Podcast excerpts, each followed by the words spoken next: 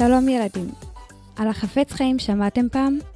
את הספרים שלו למד בדביקות דוד מונדרר, שהיה סבא שלנו, ואת הפודקאסט הזה אנחנו מקדישים לעילוי נשמתו. אז איך שומרים על הלשון? את זה בדיוק נלמד יחד בפרקים הבאים. פרק שלישי. אין חגיגה בגלל העוגה.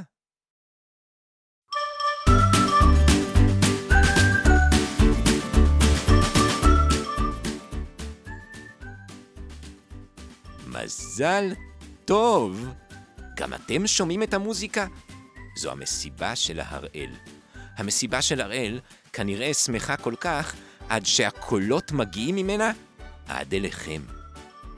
מי זה הראל, אתם שואלים? הראל הוא אח של נעמי, חברה של רעות. והיום, בשעה טובה, הראל חוגג יום הולדת.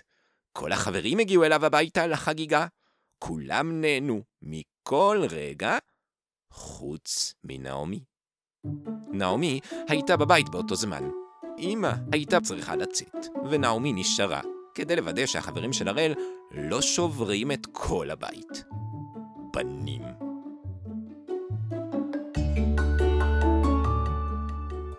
היא סבלה איכשהו את הרעש וההמולה, מה לא עושים בשביל אמא ואחים? עד שהגיע שלב השיא של החגיגה, אתם בטח מנחשים מהו. העוגה. עם העוגה לא הייתה שום בעיה. להפך, נעמי ראתה כמה שעות אמא השקיעה בעוגה הזאת. עוגת שוקולד עם קצפת, בצורה של כדורגל, עם קרם וניל, כי זה מה שהראל אוהב, ובתוספת פלח של תפוז. כי לאמא היה חשוב שיהיו גם ויטמינים בכל הסיפור הזה. לא נשמע לכם הולך ביחד? זה באמת לא נשמע ככה. אבל אמא של הראל ונעמי עבדה קשה, במשך שעות, כדי שזה ילך, ועוד איך. גם נעמי עזרה לה, עד אמצע הלילה.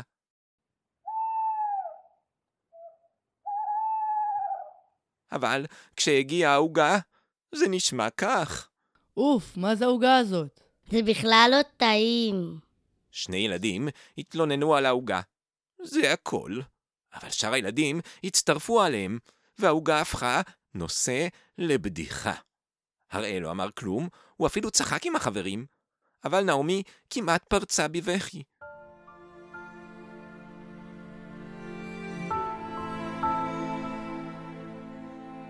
איך הם מדברים ככה? ועוד על העוגה שהיא ואימא השקיעו בה כל כך הרבה? נעמי נפגעה מאוד. בשבילה. בשביל אימא. ברגע שהחגיגה הסתיימה והילדים החלו להתפזר הביתה, נעמי טסה מהבית. היא לא הייתה מסוגלת להישאר שם אפילו עוד רגע אחד.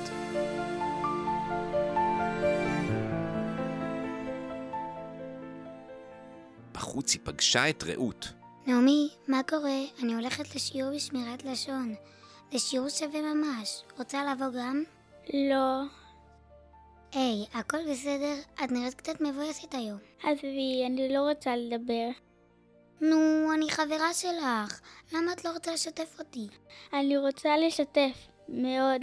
האמת, אל תעלוי שאני רוצה לשתף את אמא שלי. הבעיה היא שאני לא יכולה. למה? זה לשון הרע? לא בדיוק, פשוט אמא שלי עלולה להיפגע מזה, ואני לא רוצה לפגוע בה. אז אולי תבואי איתי לשיעור.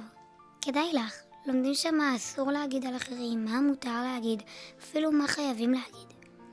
אתמול למשל למדנו שיש מקרים שבהם צריך להגיד לשון הרע, אם זה לתועלת. נו טוב, ננסה.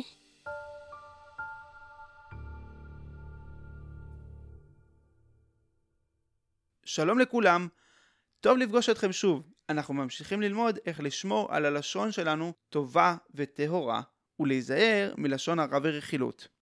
הרב, עד עכשיו למדנו רק על לשון הרע. לשון הרע ורכילות זה אותו דבר? לא בדיוק.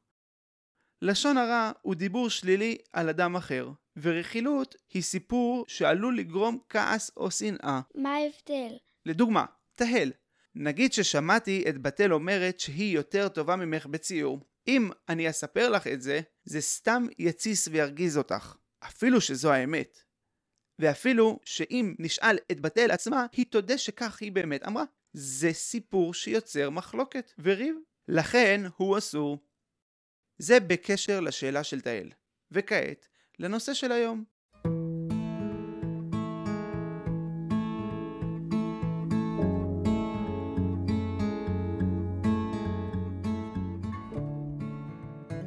זוכרים מה למדנו אתמול? למדנו שיש מקרים שבהם צריך להגיד לשון הרע, אם זה לתועלת. נכון, יש מקרים שלא נחשבים תועלת לאחרים, אבל הם חשובים למספר עצמו. מי שמספר לשון הרע או רכילות רק כדי לעצבן או לסכסך, זו בעיה גדולה. אבל לפעמים אנשים רוצים לספר מה קרה מסיבות אחרות. קשה להם לשמור בבטן את מה שהם ראו או שמעו. זה מסעיר אותם או מדאיג אותם. החפץ חיים מביא את הפסוק דאגה בלב איש ישיחנה. לתורה חשוב שנשמור לא רק על הלשון שלנו, אלא גם על הנפש. ואם משהו מדאיג אותנו, אנחנו צריכים לספר עליו כדי להירגע.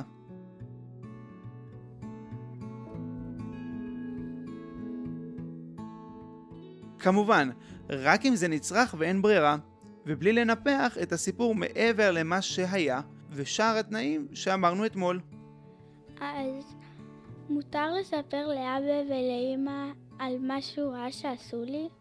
אפילו אם זה יגרום להם לכעוס על מי שעשה את זה? ברוב המקרים, אבא ואמא צריכים לדעת מה קורה איתך, כי הם אחראים עלייך. אסור להסתיר מהם דברים. חוץ מזה, זה גם דיבור לתועלת. כי לפעמים צריך לפרוק לפני אבא ואמא את הרגשות שלנו. אולי אפשר לספר ללא השמות של המעורבים, אבל כאשר יש צורך אמיתי וגדול, אז מותר. וואו, הרב, זה ממש מרגיע לדעת את זה. אחרי השיעור אתמול חשבתי על כל הדברים שסיפרתי לאבא ואמא שקרו לי בבית ספר, שלא הייתה להם תועלת, והרגשתי ממש רע. אני מבינה שאם אני צריכה לפרוק רגשות שחוויתי עם בנות הכיתה, מותר לי לספר אפילו בלי שמות. נעמי הרגישה רגועה יותר. עכשיו היא יכולה לשתף את אמא, ולספר על החברים של הראל שצחקו על העוגה. אפילו שאמא עלולה להתאכזב ולכעוס בתור זאת שעבדה על העוגה, היא פנתה ללכת הביתה. אבל לפני כן, ניגשה לרעות. וואי, תודה רבה שהצלחת לי לבוא איתך. היה לי חשוב לחלוק עם אמא את מה שקרה לי היום, ועכשיו אני יודעת שזה בסדר. על עוד דבר, באמת חשוב לפעמים לשחרר דברים ש... רגע, עליתי על משהו. רעות חיפשה בין המשתתפים את שלומי, וברגע שהיא מצאה אותו, מלקק להנאתו קרטיב רמזור, היא קראה לו מיד החוצה. שמעת מה למדנו עכשיו? מה זאת אומרת? את עושה לי מבחן? נו, שיש מקרים שמותר לשתף כדי שלא לשמור את הדאגה והתסכול בבטן, וכדי להגיע אולי לפתרון נכון יותר. אני חושבת שזה גם המקרה שלי עם מילה. מה שהיה בפארק? שהיא רבה איתך? כן, זה היה מרגיז וגם מוזר. הילה ישבה שם בפארק עם מכשיר הקלטה ביד ולחשה לתוכו. רעות, רעות. לא שמעתי מה היא עוד אמרה, אבל היא הסתכלה לכיוון שלי. היא דיברה עליי עם איזשהו מכשיר. זהו, הייתי חייבת לספר על זה למישהו, וסיפרתי. שלומי הקשיב לסיפור. סוף סוף הוא יודע מה קרה לאחותו רעות, ולמה היא התנהגה והגיבה ככה. אבל עכשיו הסקרנות שלו התגברה עוד יותר. מה הסוד שהילה מדברת עליו? ומה המכשיר הזה?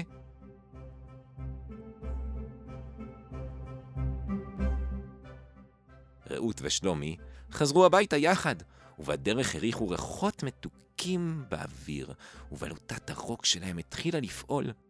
דלת הבית נפתחה. ובפתח עמדה אמא, עם חיוך רחב. מתוקים שלי, הכנתי לכם הפצעה. אני יודע, אני יודע. האף שלי מריח עוגת תפוחים. נכון, שלומי חכם שלי, אבל היא הרגע יצאה מהתנור, אז תנו לה רגע להתקרב, שלא תשרף לכם הלשון.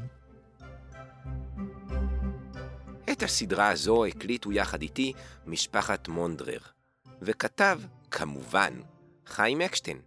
אם אתם רוצים ללמוד עוד, כמובן שאתם יותר ממוזמנים. הספר חפץ חיים ידוע ומוכר, ויש גם גרסאות שלו ועיבודים שמתאימים גם לילדים. הכי טוב זה ללמוד עם מישהו שיודע. אבא או אמא, סבא או סבתא, וגם, כן, גם אחים גדולים הולך מצוין. תלמדו, תקיימו, ותהפכו את הסביבה שלכם ואת העולם למקום טוב וטהור יותר.